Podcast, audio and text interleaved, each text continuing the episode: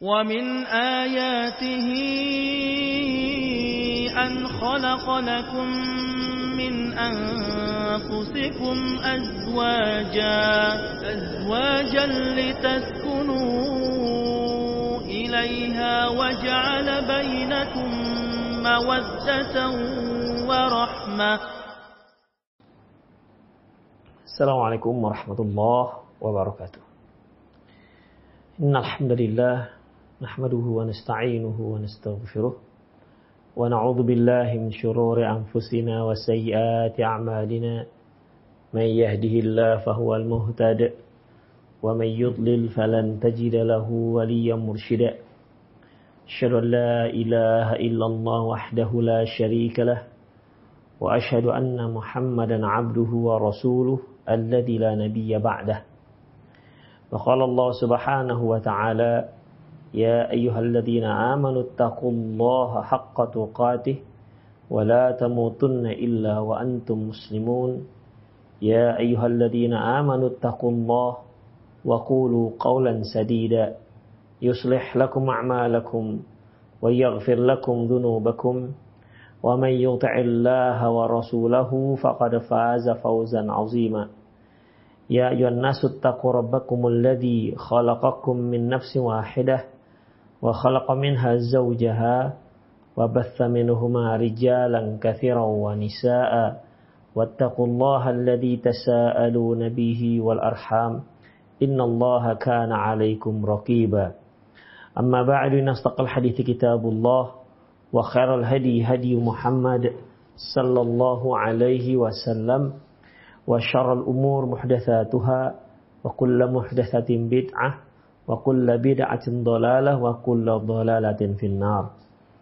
Ma'asyiral muslimin wal muslimat, para pemirsa Rosyad TV, pendengar Radio Milan Mengaji di mana pun Anda berada.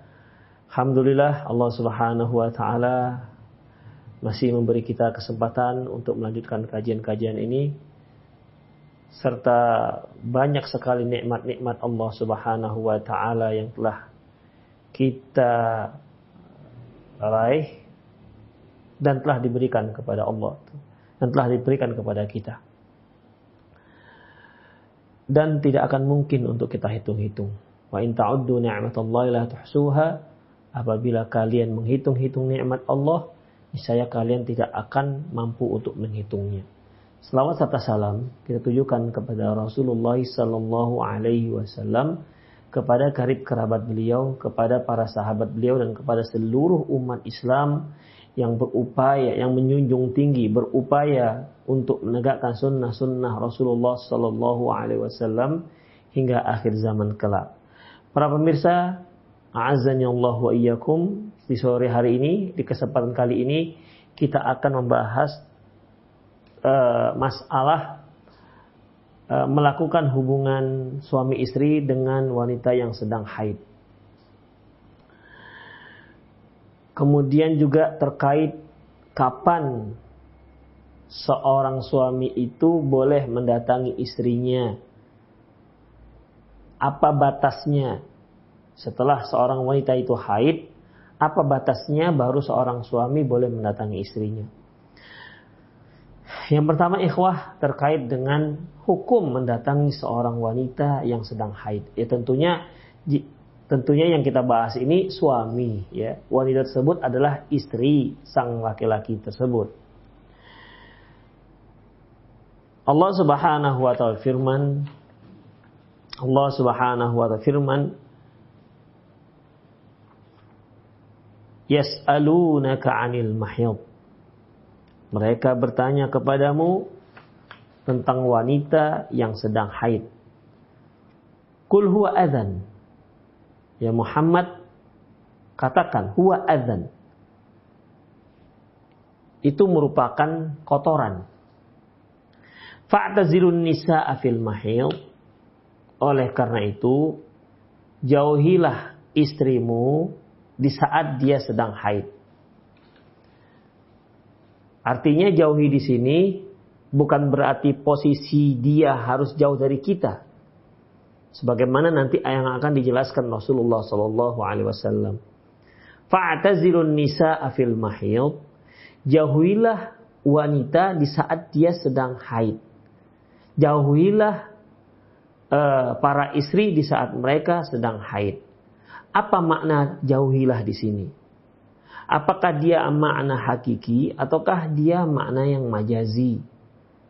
Kalau yang hakiki berarti jauhilah, yaitu ya orangnya. Orangnya jangan dekat. Ya dibuat jauh-jauh. Ataukah makna yang lain yang dikatakan fa'tazilun nisa'a fil mahid? Wala taqrabuhunna hatta. Janganlah kalian mendekati mereka yaitu wanita yang sedang haid hatta yathurun sampai mereka itu selesai haidnya. Faida tatahharna kalau dia sudah suci fa'tuhunna min haitsu amarakumullah. Maka datangi mereka min haitsu amarakumullah sesuai dengan apa yang telah ditetapkan, apa yang telah diperintahkan oleh Allah Subhanahu wa taala. Innallaha yuhibbut tawwabin wa yuhibbul mutatahhirin.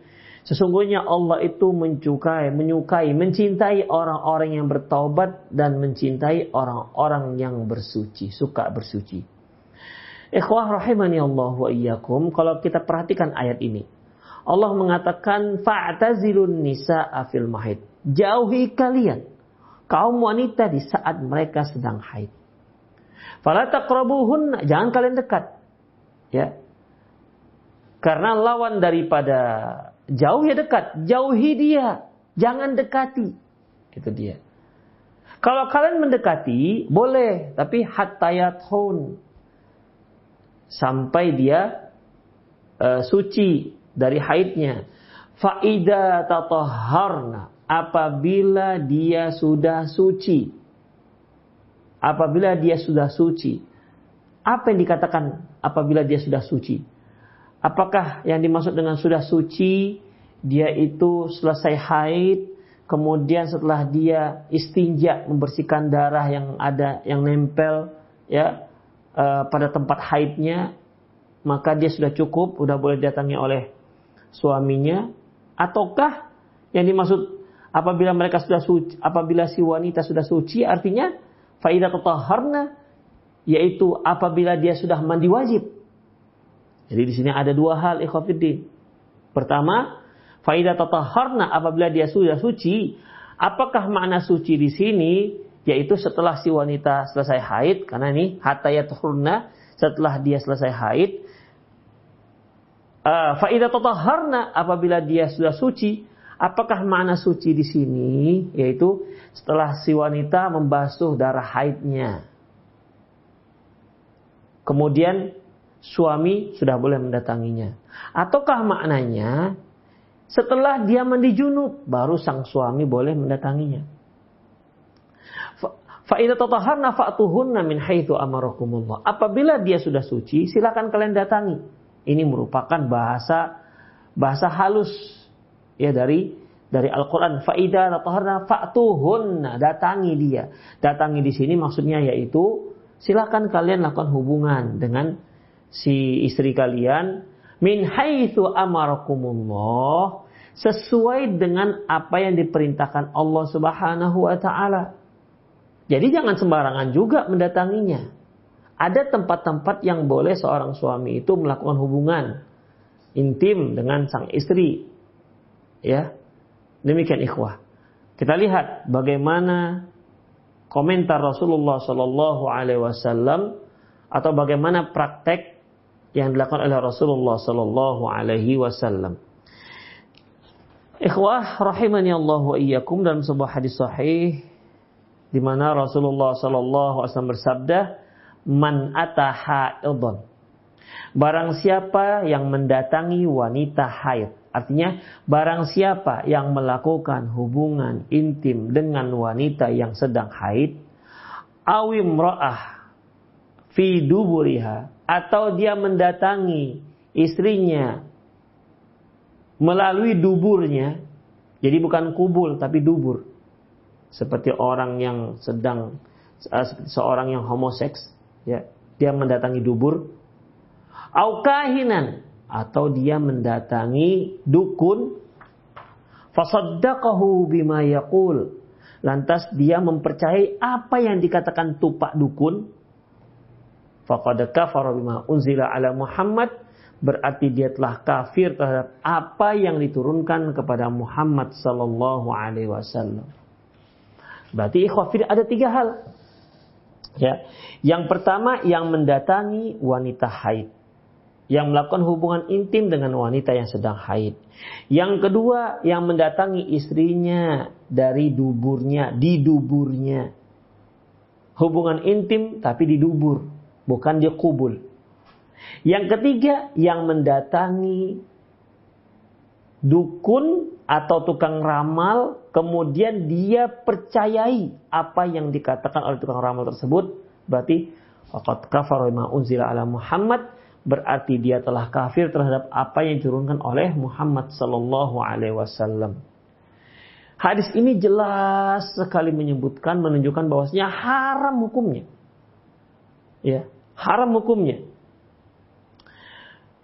Wanita uh, suami yang mendatangi istrinya yang sedang haid itu sama seperti seorang yang datang ke tukang ramal lantas dia mempercayainya. Kafir terhadap apa? Ingkar. Berarti telah telah, telah melakukan keingkaran kemungkaran.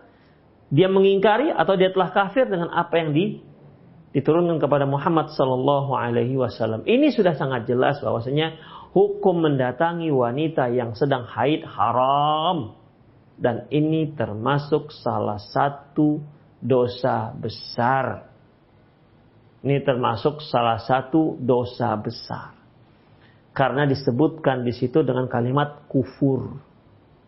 Karena disebutkan di sana dengan kalimat kufur. Demikian ikhwah rahimani Allahu wa iyyakum. Kemudian selanjutnya hadis dari Anas bin Malik kala dia berkata, "Innal yahud kanat idza hadat minhumul mar'ah akhrajuha minal buyut minal bait." Itu orang-orang Yahudi dahulu, kata Anas bin Malik anhu. Itu orang-orang Yahudi dahulu. Kalau ada di antara penghuni rumah mereka wanita yang sedang haid, mereka langsung isolir ini wanita. Langsung di, dipisahkan dari anggota keluarganya. Ya dibuatkanlah untuk dia seperti di karantina di belakang. Belakang rumah atau pokoknya dia tidak bisa tidak bisa bergaul dengan keluarganya tidak bisa bergaul dengan istri uh, suaminya, tidak bisa bergaul dengan anak-anaknya, tidak bisa bergaul dengan siapa saja. Dia di karantina ya seperti orang yang sedang terkena covid lah gitu kira-kira. Ya, di karantina ikhwah. Sampai selesai haidnya barulah dia boleh kembali bergaul, bergabung dengan dengan keluarga keluarganya yang tercinta. Maka ikhwafiddin akhrijuha, akhrajuha ya minal bait. Orang Yahudi itu kalau sudah wanitanya haid nah, di karantina, diisolir langsung ikhwatiddin. Seolah mereka menganggap wanita ini wanita najis. Dalam Islam kan nggak seperti itu. Ya, Allah mengatakan kul huwa adzan. Katakan bahwasanya ya haid itu adzan, ya kotoran tapi bukan orangnya. Begitu. Ya, orangnya tetap suci, ya. Gak apa-apa kita senggolan. Gak mari kita lihat kita lanjutkan. Walam yu'akiluha walam yusharibuha. Mereka nggak mau makan dan minum bareng dengan si perempuan, si wanita yang yang sedang haid. Apakah itu istrinya, apakah itu emaknya, apakah itu anak gadisnya, ataukah dia itu adiknya atau kakaknya. Dekat tidak ada tidak ada pergaulan dengan wanita sedang haid. Insya Allah. Kejam sekali orang Yahudi ini walam yujami'uha fil bait dan mereka nggak nggak ngumpul-kumpul di rumah. Ya. Jadi mereka nggak makan bareng, nggak minum bareng dengan wanita haid dan bahkan tidak boleh di rumah. Jadi mereka di ditempatkan di tempat khusus. Allah alam mungkin dahulu itu mereka punya rumah wanita haid khusus, tidak boleh bergabung dengan orang-orang yang tidak haid. Fasu'ila Rasulullah sallallahu alaihi wasallam an dzalik. Lantas Rasulullah sallallahu alaihi wasallam ditanya tentang masalah ini. Fa anzalallahu taala dzikrah. Fa'anzalallahu ta'ala dzikruh maka turunlah ayat ini. Yas'alunaka 'anil mahiyid. Mereka bertanya kepadamu tentang wanita haid. Qul huwa adan. Memang haid itu merupakan kotoran. Fa'tazilun nisa'a fil mahiyid. Maka jauhilah wanita di saat mereka sedang haid hingga akhir ayat. Faqala Rasulullah sallallahu alaihi wasallam lantas Rasulullah sallallahu alaihi wasallam bersabda jami'uhunna fil buyut. Tidak apa kalian berkumpul-kumpul dengan dia di rumah. Bergabunglah, kumpul dengan mereka di rumah. Dengan wanita-wanita yang sedang haid ini nggak ada masalah. Wasna'u kulla syai. Silahkan kalian buat apa saja dengan wanita yang sedang haid tersebut. Buat kegiatan apa saja tidak masalah. Isna'u kulla syai. Apa pun kegiatannya dari mulai, mulai makan bareng, minum bareng, masak, ngepel, apalagi kus, apa mungkin memijat suaminya, nggak ada masalah.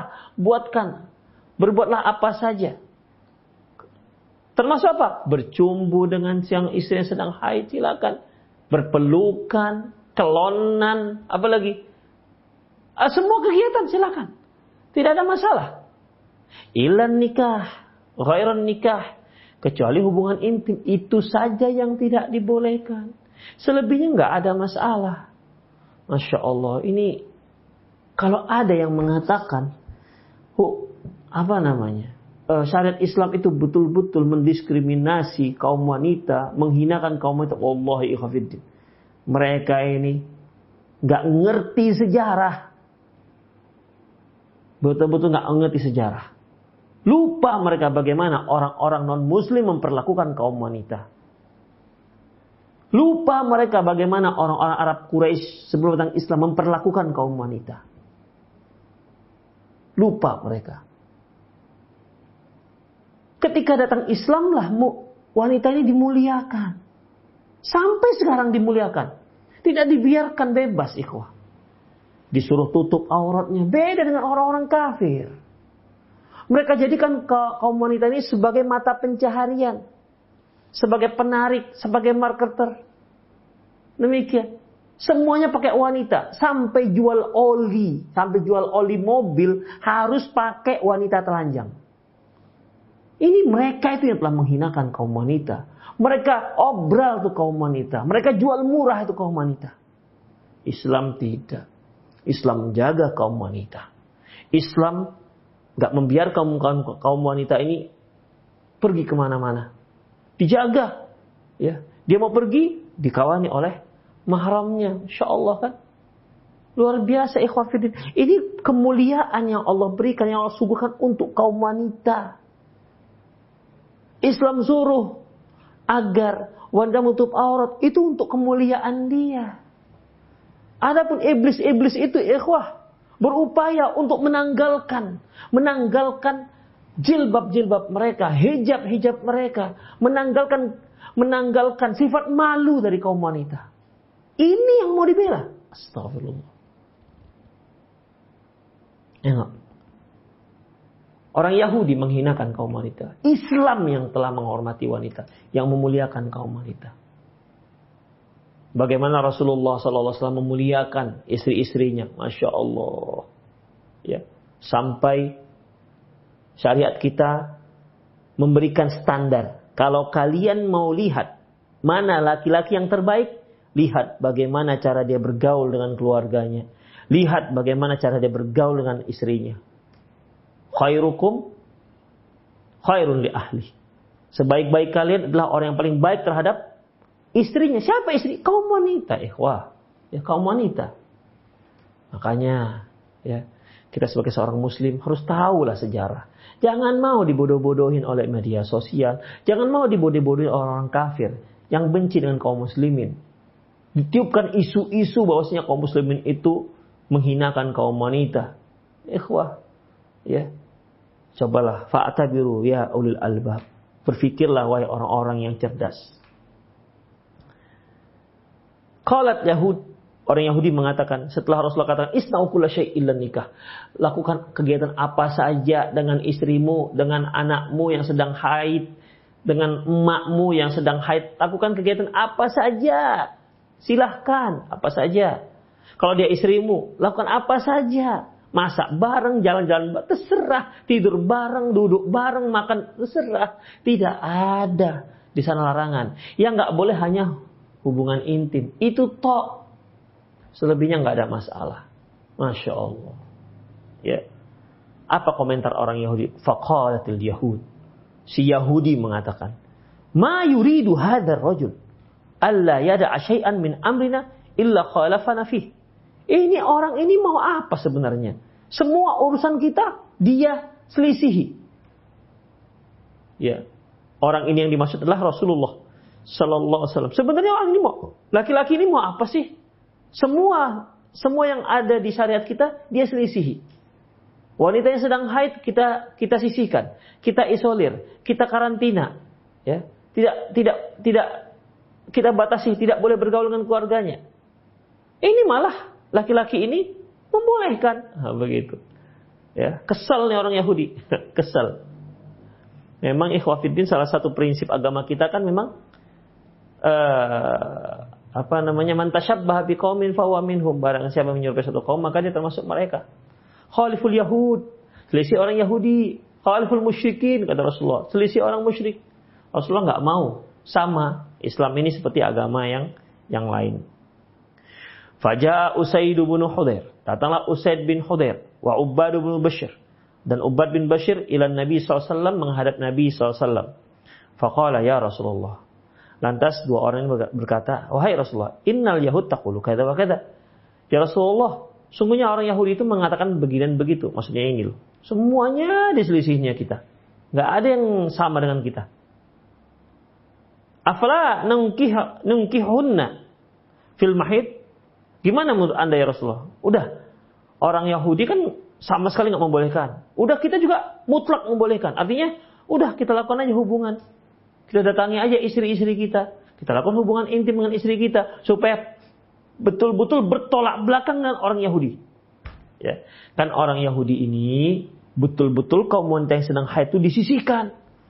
Ya, tidak boleh ada kegiatan bareng dengan mereka. Betul-betul dikat habis. Betul-betul dikat habis. Gimana ya Rasulullah? Kata dua sahabat ini.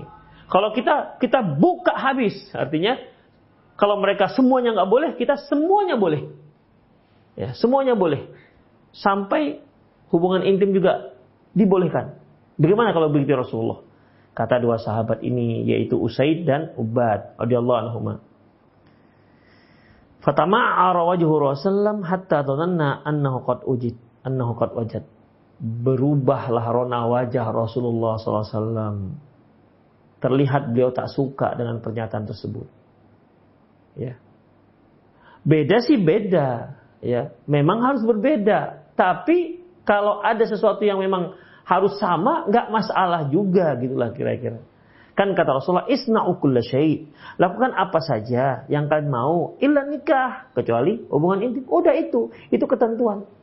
Jadi bukan berarti harus uh, berbeda sama sekali enggak. Ada hal-hal yang dibolehkan untuk sama. Kemudian hatta dhananna an qad wajada alaihima sampai kami mengira ini marah Rasulullah kepada dua sahabat ini yaitu siapa tadi Usaid dan Ubadah. Fakharaja dua sahabat ini pun keluar dari rumah Rasulullah SAW. Fastaqbalat huma hadiah min labanin la Rasulullah sallam. Lantas Rasulullah pun mengirimkan hadiah yaitu berupa air susu, susu, minuman susu dan Rasulullah kirimkan kepada mereka berdua. Faba'atha fi atharihima fasaqahuma. Beliau suruh untuk diberikan kepada mereka berdua yaitu Ubadah dan Usaid radhiyallahu anhu. Fadhanna anna lam yajid alaihima. Dan kami waktu itu bolehlah kami tahu bahwasanya Beliau nggak marah dengan dua sahabat ini gara-gara pernyataan mereka. Itulah ikhwafiddin. Jadi intinya ya tidak boleh seorang suami mendatangi istrinya dalam keadaan haid. Selebihnya boleh. Selebihnya boleh. Lantas bagaimana kalau seandainya dilanggar, terlanggar misalnya, dilanggar atau terlanggar, kan nggak boleh nih ya mungkin suatu saat ada seorang suami menggebu-gebu atau dia mungkin sudah lama nggak ketemu istrinya, eh pas pulang istrinya sedang haid, dia nggak bisa menahan dirinya sehingga terjadilah hubungan intim dengan sang istri. Terus ini gimana ini? Kalau dosa jelas dosa, ya jelas dosa. Karena Rasulullah katakan fakot kafar. Tersebut sudah kafir terhadap apa yang diturunkan oleh Rasulullah SAW, yang diturunkan kepada Rasulullah SAW. Nah, sebagaimana ini? Ya, dalam hadis yang diriwayatkan oleh Ibnu Abbas radhiyallahu anhu anin Nabi sallallahu alaihi wasallam dari Nabi sallallahu alaihi wasallam ini maksudnya tentang seorang lelaki suami yang mendatangi istrinya dalam keadaan haid. Beliau katakan, "Yatasaddaqu bidinarin au bi au nisfi dinar." Kalau memang ter, terlanggar juga, maka dia bersedekah dengan satu atau setengah dinar satu atau setengah dinar. Satu dinar itu ikhwah empat per empat gram emas. Satu dinar. Empat per empat gram emas. Berarti kalau kalau satu gram emas sekarang 900 ribu ya yang emas 24 karat berarti kali 4 berapa tuh? 36 ya? 9 kali 4, 36. 3 3 juta 600 itu masih 4 gramnya. Tambah seperempatnya. Seperempat dari 900 ya sekitar dua setengahan lah atau dua dua seperempat ya dua seperempat berarti 2 3,6 ya kita katakan saja eh, digenapkan saja misalnya sekitar 4 juta lah ya 4 juta. Iya kira-kira 4 juta. 4 4 4 juta 800 lah dah tuh. 4 juta 800. 4 juta 800. Demikian, lebih kurang begitulah. Maka hendaklah dia ber, berinfak 4 juta 800 jika ya jika satu gramnya uh, eh, 900 ribu. Jadi ikhwafiddin ya bersedekah dari satu dinar atau setengah dinar.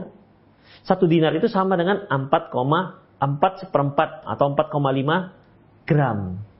Demikian ikhwafiddin. Atau setengahnya, berarti kalau 4 4 seperempat setengahnya 2 2 seperlapan berarti ya.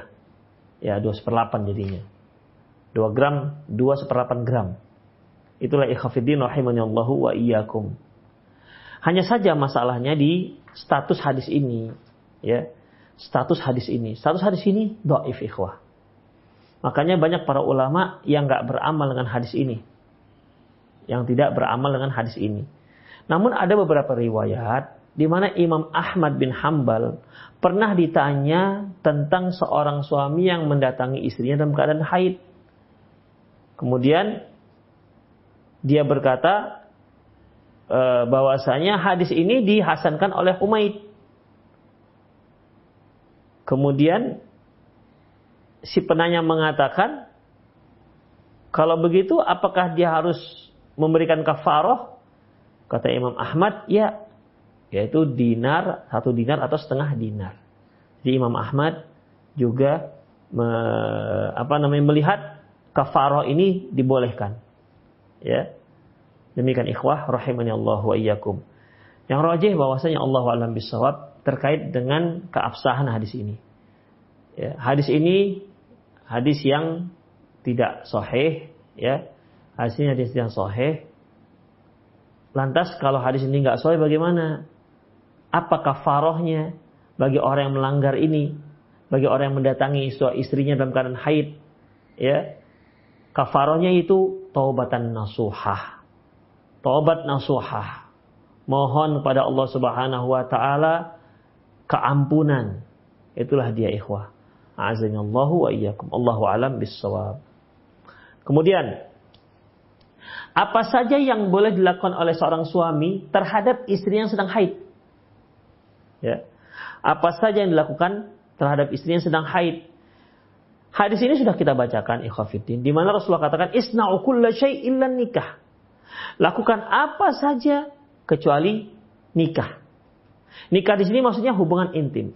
Selain hubungan intim silahkan nggak apa-apa. Ya, dalam hadis yang lain, ya, di mana dari Aisyah radhiallahu anha beliau berkata, karena Rasulullah sallallahu alaihi wasallam ya'muru ahadana ihdana idza kana haidan an tattazir. Bahwasanya Rasulullah sallallahu alaihi wasallam menyuruh salah seorang kami yang sedang haid antat tazir yaitu memakai kain sarungnya. Summa yudaji'uha zaujah zaujuha. Kemudian dia boleh tidur dengan dia boleh ditiduri oleh oleh suaminya. Wa qalat marrah yubashiruha. Dia boleh dicumbui oleh suaminya. Itu dia. Jadi wanita yang sedang haid boleh dia bercumbu dengan suaminya. Suaminya boleh mencumbui dia, ya, boleh mencumbui dia. Tidak berdosa. Ingat, yang nggak dibolehkan yaitu hubungan intim. Kecuali ikhwah kalau ada sang suami yang memang kalau dia mencumbui istrinya ya dia khawatir akan terjatuh pada keharaman nggak terkendalikan lagi maka untuk laki-laki ini nggak dibolehkan masih ingat nggak ketika Rasulullah Shallallahu Alaihi Wasallam kedatangan seorang pemuda? Pada waktu itu, ya si pemuda bertanya, ya Rasulullah, ya Rasulullah, uqabbil wa ana saim. Rasulullah, boleh aku cium istriku sementara aku sedang puasa? Kata Rasulullah, nggak boleh. Tak lama kemudian datang orang yang sudah tua. Pertanyaannya sama. Ya Rasulullah, uqabbilu wa ana sha'im. Boleh ku cium istriku sementara aku sedang puasa? Kata Rasulullah, "Na'am, boleh." Fanadhara ba'duna ala ba'd. Maka kami pun yang hadir pada waktu itu saling lihatan. Saling lihat-lihatan. Tadi nggak boleh, ini boleh. Jadi gimana sih? Nah, gitulah kira-kira. Gumam gumannya begitulah. Eh tadi nggak boleh, ini kok boleh? Lantas Rasulullah menjelaskan, fa inna syekho orang yang sudah tua itu yang memiliki irbahu. Dia memiliki, mengendalikan, bisa mengendalikan dirinya. Demikian. Jadi para suami yang voltasenya tinggi, ampernya tinggi, ya.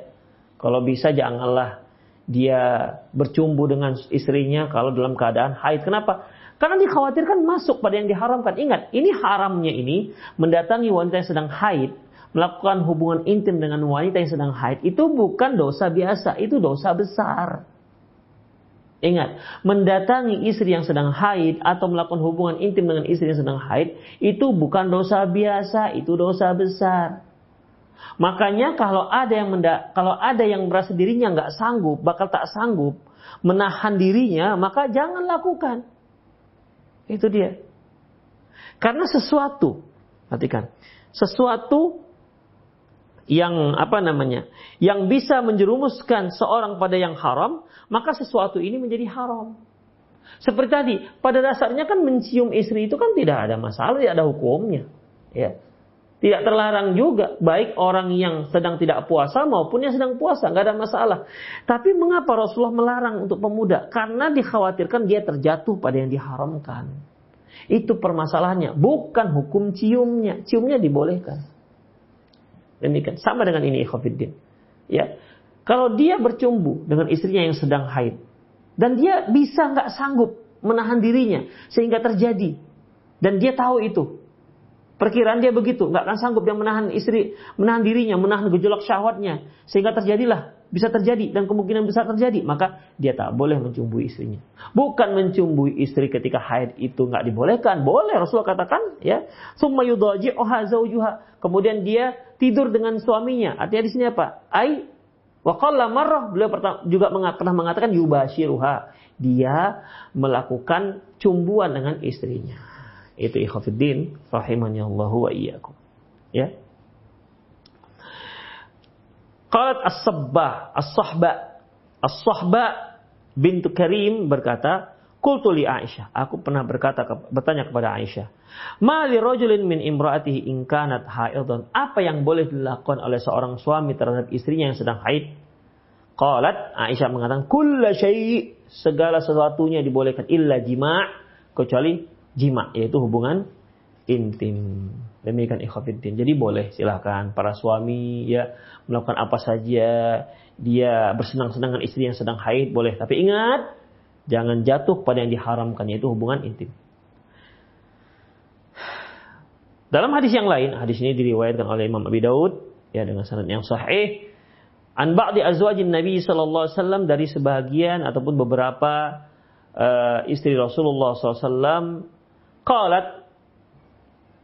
Mereka berkata inna Nabi sallallahu alaihi wasallam bahwasanya Nabi sallallahu alaihi wasallam kana idza arada mil haid syai'an. Kalau dia menginginkan sesuatu dari istrinya yang sedang haid alqa ala farjiha tauban. Beliau lapis beliau ambil kain beliau lapis di atas farajnya di atas uh, auratnya si istri. Ya. Dilapis dengan kain. Setelah dilapis dengan kain, summa sona ama aroda. Kemudian dia melakukan apa yang dia beliau inginkan. Artinya ya silakan apa saja. Maka yang seperti ini nggak akan terjadi hubungan intim karena apa? Karena sudah dilapis. Ya, tidak dikhawatirkan. Itulah ikhafiddin rahimani Allahu wa iyyakum. Jadi intinya ya, intinya silakan melakukan kegiatan apa saja sebagaimana kegiatan suami dengan istrinya kecuali hubungan intim.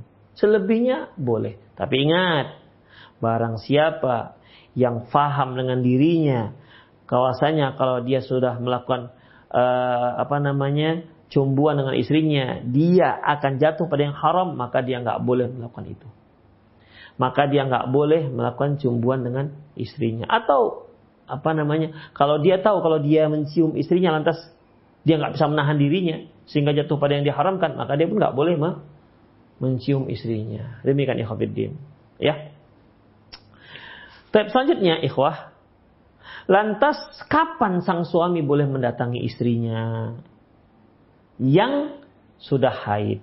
Seperti yang di awal kita telah bahas kita telah singgung. Apakah setelah wanita itu haid, kemudian dia bersihkan kemaluannya, daerah-daerah haidnya dari darah. Setelah dibersihkan, itu sudah boleh datangi oleh suaminya. Ataukah setelah dia setelah dia mandi baru dibolehkan, setelah dia mandi junub baru dibolehkan. Ikhwah rahimani Allah wa iyyak. Ini masalah khilafiyah di kalangan para ulama. Ya. Sebagian mengatakan ya, kalau wanita sudah selesai haid, lantas dia sudah bersihkan semua semua dari darah-darahnya, ya, darah-darah haidnya sudah bersih semua, maka walaupun dia belum mandi junub, sang suami boleh mendatanginya, Bo sudah boleh melakukan hubungan intim dengan dia. Demikian ikhwatiddin. Ini pendapat seperti Atha bin Rabah, kemudian Mujahid, kemudian juga uh, Ibnu Hazam rahimahumullah. Mereka mengatakan cukup dengan membersihkan, udah berarti sudah sudah bisa. Ya. Demikian juga ikhwafiddin, Qatadah juga demikian membolehkan. Ya. Qatadah membolehkan. Atha bin Rabah, Mujahid, Qatadah, Ibnu Hazm dan lain-lainnya mereka membolehkan walaupun sebelum ya walaupun sebelum uh, mandi junub. Namun yang lainnya ikhwah ya yang lainnya tidak membolehkan sampai yang lain tidak membolehkan sampai apa? Sampai dia mandi janabah. Setelah mandi janabah, barulah dia, barulah sang suami boleh mendatangi istrinya. Ikhwah rahimahnya Allah wa iyyakum. Mungkin sedikit kita analisa ya. Dalil dalil ini. Begini ikhwafiddin rahimahnya Allah wa iyyakum. Dasarnya yaitu ayat yang kita baca di awal kajian tadi, faida tatahharna apabila mereka sudah suci. Ya. Pembahasan sudah suci. Tadi kan di awal ayat fa'tazilun nisa afil mahid. Hendaklah kalian menjauhkan istri kalian, menjauhi istri kalian fil mahid. Ketika mereka sedang haid, Fala taqrabuhunna hatta yathurun. Janganlah kalian mendekati istri kalian hingga kali hingga dia tathu hatta tathur hingga dia selesai haid. Kalau ini sudah selesai. Kalau ini sepakat para ulama, ya. Bahwasanya nggak boleh seorang laki-laki mendatangi istrinya kecuali setelah haid. Itu dia. Karena ketika haid itu haram hukumnya. Sekarang masalahnya, setelah selesai dia haid, kapan dia sang suami boleh mendatanginya? Apakah cukup dengan membersih-bersihkan saja? Sudah cukup, istinja sudah cukup, kemudian dia sudah boleh didatangi oleh suaminya ataukah setelah mandi janabah si istri baru dibolehkan? Nah, ini ikhwatiddin. Faida tataharna di sinilah letak kalimatnya. Faida tataharna fa'tuhunna min haitsu amarakumullah. Apabila mereka sudah suci, sudah suci, suci memang maksud bersuci, maka silakan kalian datangi. Baik. Di sini apabila mereka sudah bersuci, ini apa yang dimaksud? Demikian ikhwah, azani Allahu ayyakum. Baik. Perhatikan ikhwah, azani Allahu ayyakum. Ada seorang wanita. Ya. Ada seorang wanita ketika dia mendengar Rasulullah SAW bercerita tentang masalah wanita haid. Kemudian wanita ini bertanya, tentang mandi haid. Tentang mandi haid. Fa'amaroha kaifata getasil. Lantas Rasulullah Shallallahu Alaihi Wasallam menyuruh wanita ini, eh, lantas Rasulullah SAW memerintahkan wanita ini ataupun mengajarkan wanita ini bagaimana cara mandi haid. Ya, beliau ajarkanlah. Faqala beliau katakan, khudi fursatan min miskin. hari biha. Ambillah kain yang sudah diletakkan wangian, misik kesturi, wangian kesturi. Dan kamu bersuci dengan dia. Bersuci dengan dia. Dengan kain yang sudah ada wangian kesturi tersebut. Qalat, wanita ini mengatakan, Kaifa atatahar? Gimana caranya Rasulullah? Kaifiat itu bagaimana? Kala hari biha. Ya, kamu bersuci dengan itu. Jadi wanita ini nggak paham apa yang bersuci dengan itu tuh gimana maksudnya. Ya. Diapain ini? Wah, apa namanya? Kain yang sudah dilumuri oleh minyak kesturi, wangian ini. Ini diapain kainnya? Rasulullah katakan, ya bersuci. Beliau apa ya? Uh, sungkan untuk menjelaskan gimananya. Gitulah kira-kira. Qalat kaif? Ya gimana ya Rasulullah? Qala subhanallah, tatahari. Kata Rasulullah, subhanallah. Ya, kamu bersuci dengan itu. Rasul enggak menjelaskan begini-begini enggak, ya. Fajadzabat ha fajadzab fajadzabtuha ilayya. Kata Aisyah, ya, maka aku tarik dia ke dalam Fakultu tetap ba'i biha aterdam. Yang dimaksud Rasulullah bersuci dengan dia yaitu kamu bersihkan bekas-bekas darah dengan dengan kain tersebut. Itu dia. Kamu sucikan, kamu bersihkan bekas-bekas darah dengan kain tersebut. Coba perhatikan. Rasulullah katakan, tatahari biha. Bersucilah dengan itu. Ya, bersucilah dengan kain tersebut. Kau perhatikan. Ya. Rasulullah menggunakan kalimat hari biha, bersucilah dengan kain tersebut. Apa makna hari biha di sini? Ya, tidak ada yang mengatakan bahwasanya bersucilah dengan kain tersebut artinya mandi dengan kain tersebut kan enggak. Artinya apa? Ya dibersihkan.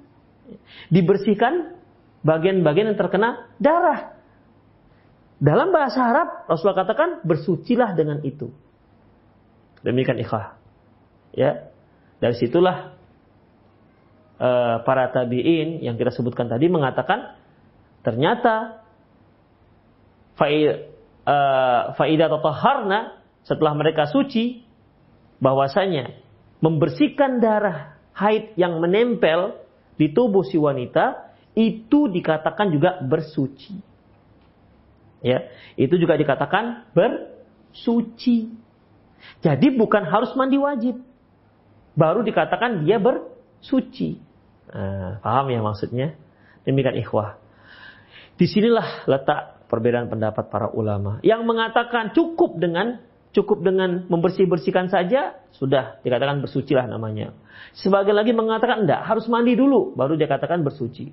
Ternyata Faidah tataharna apabila mereka sudah suci, suci ini bermakna dua. Pertama, sudah suci maksudnya dia sudah bersihkan semua darah-darah haidnya. Makna kedua, faidah tataharna diartikan yaitu apabila sudah sudah mandi janabah. Demikian ikhwah rahimani Allah wa iyyakum. Lantas yang rojih bagaimana? Ikhwah azani Allah wa iyyakum. Karena ini memang khilafiyah yang cukup kuat ya. Karena mengandung maknanya itu terkandung dua-dua. Kalimat hari. Jadi bagaimana Allah alam bisawab bahwasanya dalam masalah ini ya kita bolehlah bersikap hati-hati. Karena apa ikhwafiddin? Kalau seorang suami mendatangi istrinya dengan baru saja setelah si istri istinja membersihkan uh, darah haidnya, ada kemungkinan makna tersebut adalah makna mandi. Jadi bagaimana? Kalau dia melakukan setelah mandi, maka tidak ada khilafiyah. Para ulama sepakat bahwasanya mereka yang mendatangi istrinya setelah istrinya mandi wajib, maka sudah dibolehkan. Tidak ada khilafiyah. Yang ada khilafiyah bagaimana kalau dia datangi sebelum mandi junub tapi sudah dibersihkan darah haidnya. Itu dia. Makanya Khafiddin sudahlah. Mari kita keluar dari khilafiyah. Para suami bersabar terlebih dahulu sampai sang istri ya mandi wajib. Itu sudah sepakat para ulama ya. Ya, itu sudah sepakat para ulama. Demikian ikhwah azanullah. Jadi para suami sabarlah terlebih dahulu tuh tunggulah sebentar aja. Tunggu, jangan main seruduk aja ya. Tunggu dulu sampai dia si istri, istri si istri mandi. Ah, udah. Setelah itu setelah mandi junub tidak ada khilafiyah di situ dari kalangan para ulama bahwasanya para suami boleh mendatangi istrinya. Demikian ikhwah azanullah wa iyyakum. Kemudian Selanjutnya ikhwah.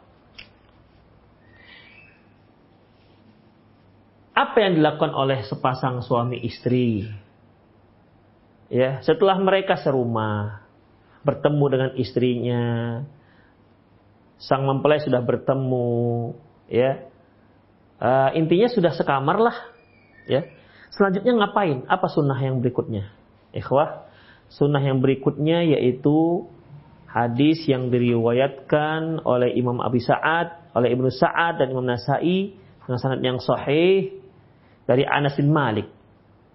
Qala Rasul qala dia berkata, "Aulama Rasulullah sallam ibana bi Zainab." Bahwasanya setelah Rasulullah SAW akad melangsungkan akad pernikahan dengan Zainab, beliau melakukan walimah. Fa al muslimin khubzan walahman. Beliau memberikan hidangan ya memberi me, menyediakan hidangan uh, untuk kaum muslimin berupa roti dan daging. Wah, masya Allah, walimahnya roti dan daging, ya, hidangannya. Summa kharaja ila ummahat setelah itu summa kharaja ila ummahatil mu'minin fasallama alaihim. Kemudian beliau pun keluar menemui istri-istri beliau yang lain. Fasallama alaihim. Maka beliau pun mengucapkan salam terhadap istri-istri beliau yang lain. Fada'alahunna. Kemudian Rasul pun mendoakan istri-istri beliau tersebut. Wasallamna alaihi fada'auna lahu. Dan istri-istri beliau pun uh, membalas salam beliau dan mendoakan beliau. Fakana yaf'alu dzalika sabihata binaihi.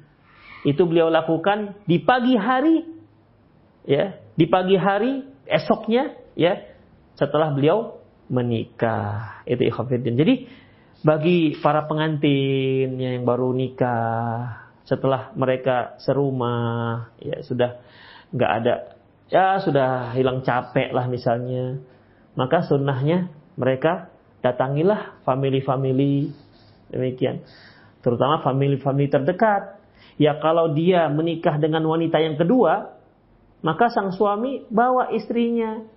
Bawa istrinya bertemu dengan istri pertamanya. Karena kan mereka kalau seorang suami, seorang laki-laki menikah yang kedua, menikah yang kedua berpoligami jika yang yang kedua ini seorang gadis, maka dia dapat jatah tujuh, tujuh hari. Jika dia seorang janda, dapat jatah tiga hari. Nah, tapi kan nggak apa-apa, dia mengunjungi. Maka suami ini bawa istrinya berkunjung dengan ke ke istrinya yang pertama. Begitu. Ya tapi setelah apalah setelah uh, apa namanya ya setelah mengetahui situasi kondusif ya. Jangan sampai dibawanya ke istri pertama dijambak oleh istri. Malah keruas keruasan ya itu berarti dia harus harus inilah harus paham ya. Nggak ada masalah. Demikian Ya bagi yang mungkin yang gak ada masalah itu yang nikah yang pertama lah begitu. Ya dia kunjungilah pamannya, ya dia kunjungi adik-adiknya, dia kunjungi ya siapalah keluarga-keluarga dekat yang dia kunjungi. Begitu ikhwatiddin. Ya kalau kita kan adatnya itu kebiasaan kita biasa pengantin ini yang baru nikah bawa rantang lah dia kan begitu bawa rantang bawa makanan untuk pamannya demikian dikunjungi itu salah satu sunnah Rasulullah Sallallahu Alaihi wasallam. Demikian ikhafidin rahimanallahu wa iyyakum. Ah, untuk pertemuan kali ini itu saja ikhwah insyaallah besok sore kita lanjutkan kembali. Demikian aku qauli hadza wa astaghfirullah li wa lakum. Walisal muslimin innahu wal ghafur rahim. Bagi para pemirsa yang memiliki pertanyaan silahkan layangkan pertanyaan Anda di pesan singkat 0895 6113 27778.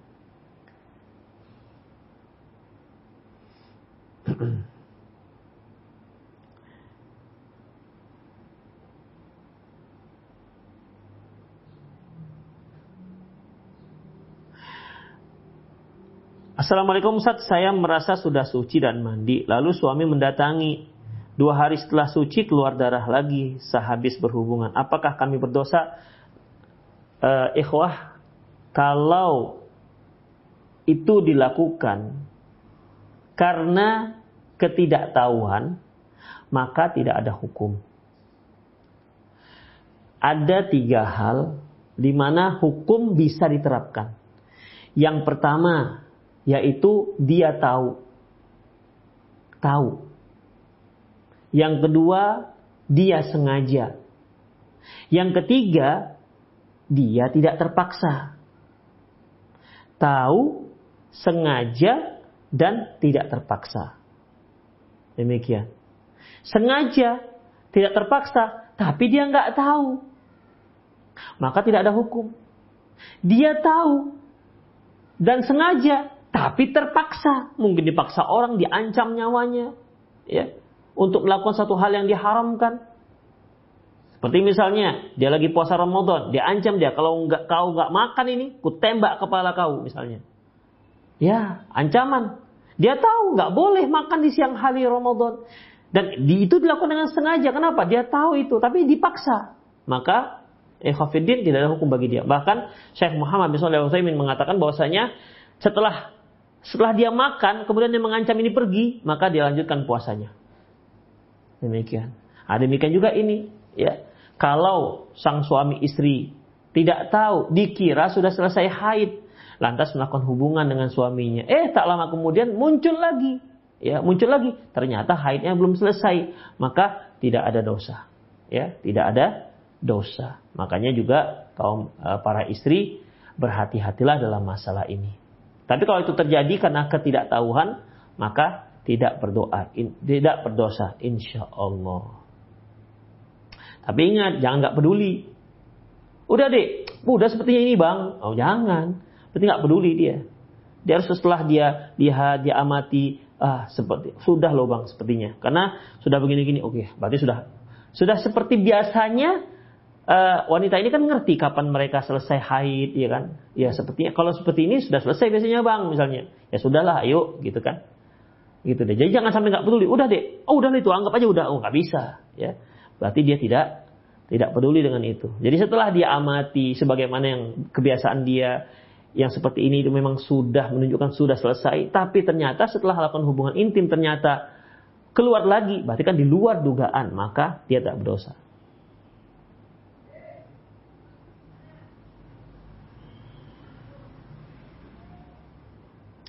Bismillah Ustaz, tolong kasih Ana saran atau nasihat karena Ana ingin menikah. Persiapan apa saja yang harus Ana persiapkan ketika menikah agar dipermudah mencari calon yang sesuai jazakumullah khairan.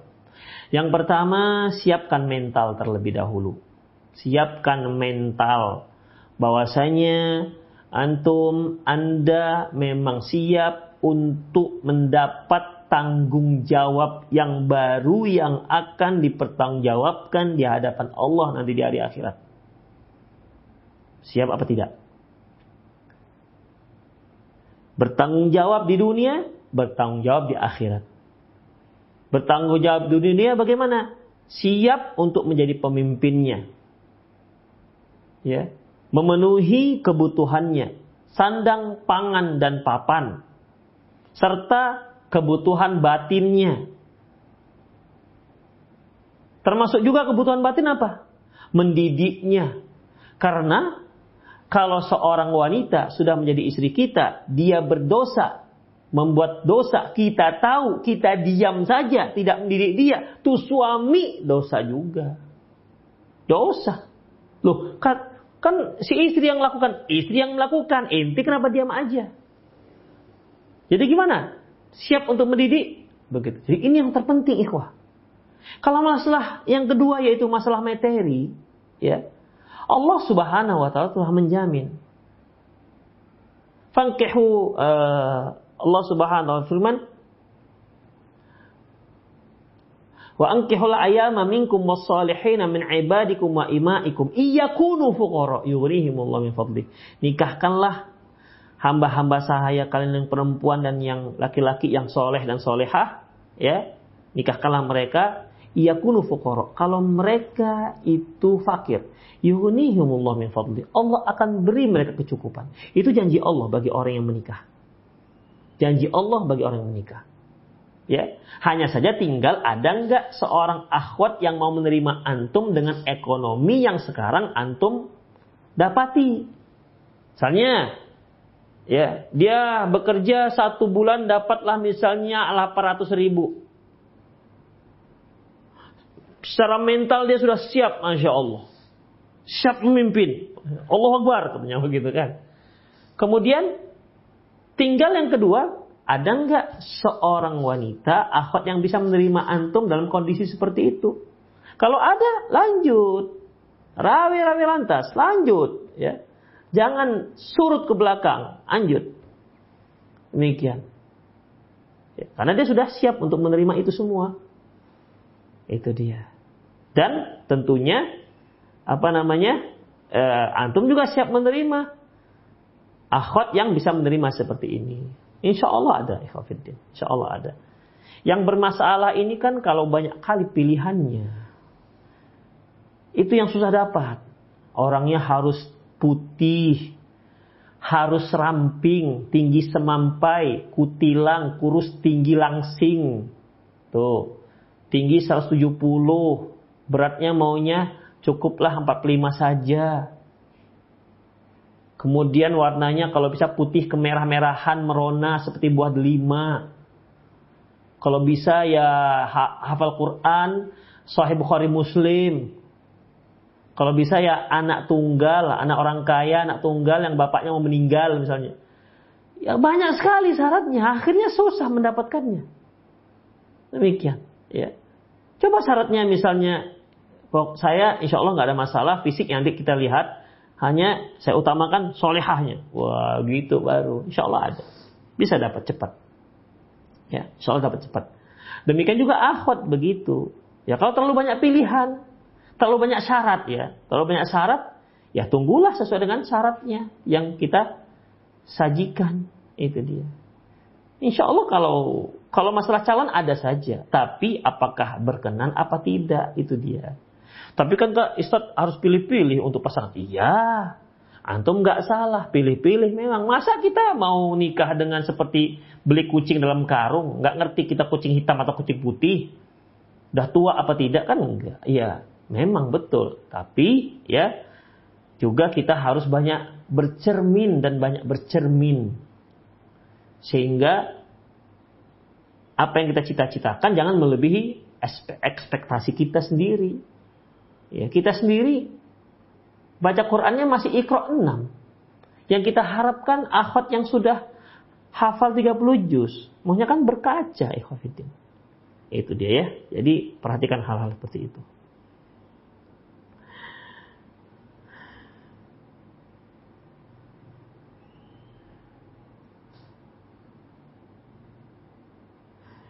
Izin Ustaz bertanya kalau hanya bercumbu sama suami tapi tidak sampai berhubungan apakah harus mandi junub ataukah tidak? Jazakumullah khairan wa barakallahu barakallah. Begini ya. Tidak harus lakukan hubungan barulah seorang itu mandi. Bercumbu juga bisa. Dengan catatan apabila sudah orgasme itu dia ya. Kalau sudah orgasme. Jadi kalau walaupun dia bercumbu, ternyata keluarlah air sang laki-laki, ya keluarlah air sang laki-laki, maka si laki-laki si laki-laki juga uh, harus harus mandi. Demikian juga si istri ternyata walaupun tanpa hubungan intim ya hanya bercumbu, ternyata dia juga orgasme misalnya sampai klimaknya, maka dia juga harus mandi junub. Kalau hubungan intim misalnya, walaupun tidak orgasme, maka tetap harus mandi junub. Makanya Rasulullah pernah mengatakan, ya, idal tako khitanan, apabila dua khitan sudah bertemu, fakat wajib ghusli, berarti dia sudah wajib untuk untuk mandi. Jadi e, ibu e, ibu yang bertanya ya, pertama pertama eh, apa namanya standarnya yaitu apakah dia wajib mandi atau tidak yaitu apabila sudah sampai klimaks orgasme. Si suami mengeluarkan airnya, istri juga mengeluarkan airnya walaupun tidak melakukan hubungan. Hanya cumbu. Satu. Yang kedua, kalau mereka melakukan hubungan walaupun tidak orgasme, kalau sudah bertemu antara khitan laki-laki dan khitan perempuan, maka sampai klimaks atau tidak tetap dia harus mandi. Idal takoh khinanan, khitanan, fakat wajah bagosli. Apabila dua khitan sudah bertemu, maka dia wajib untuk untuk mandi.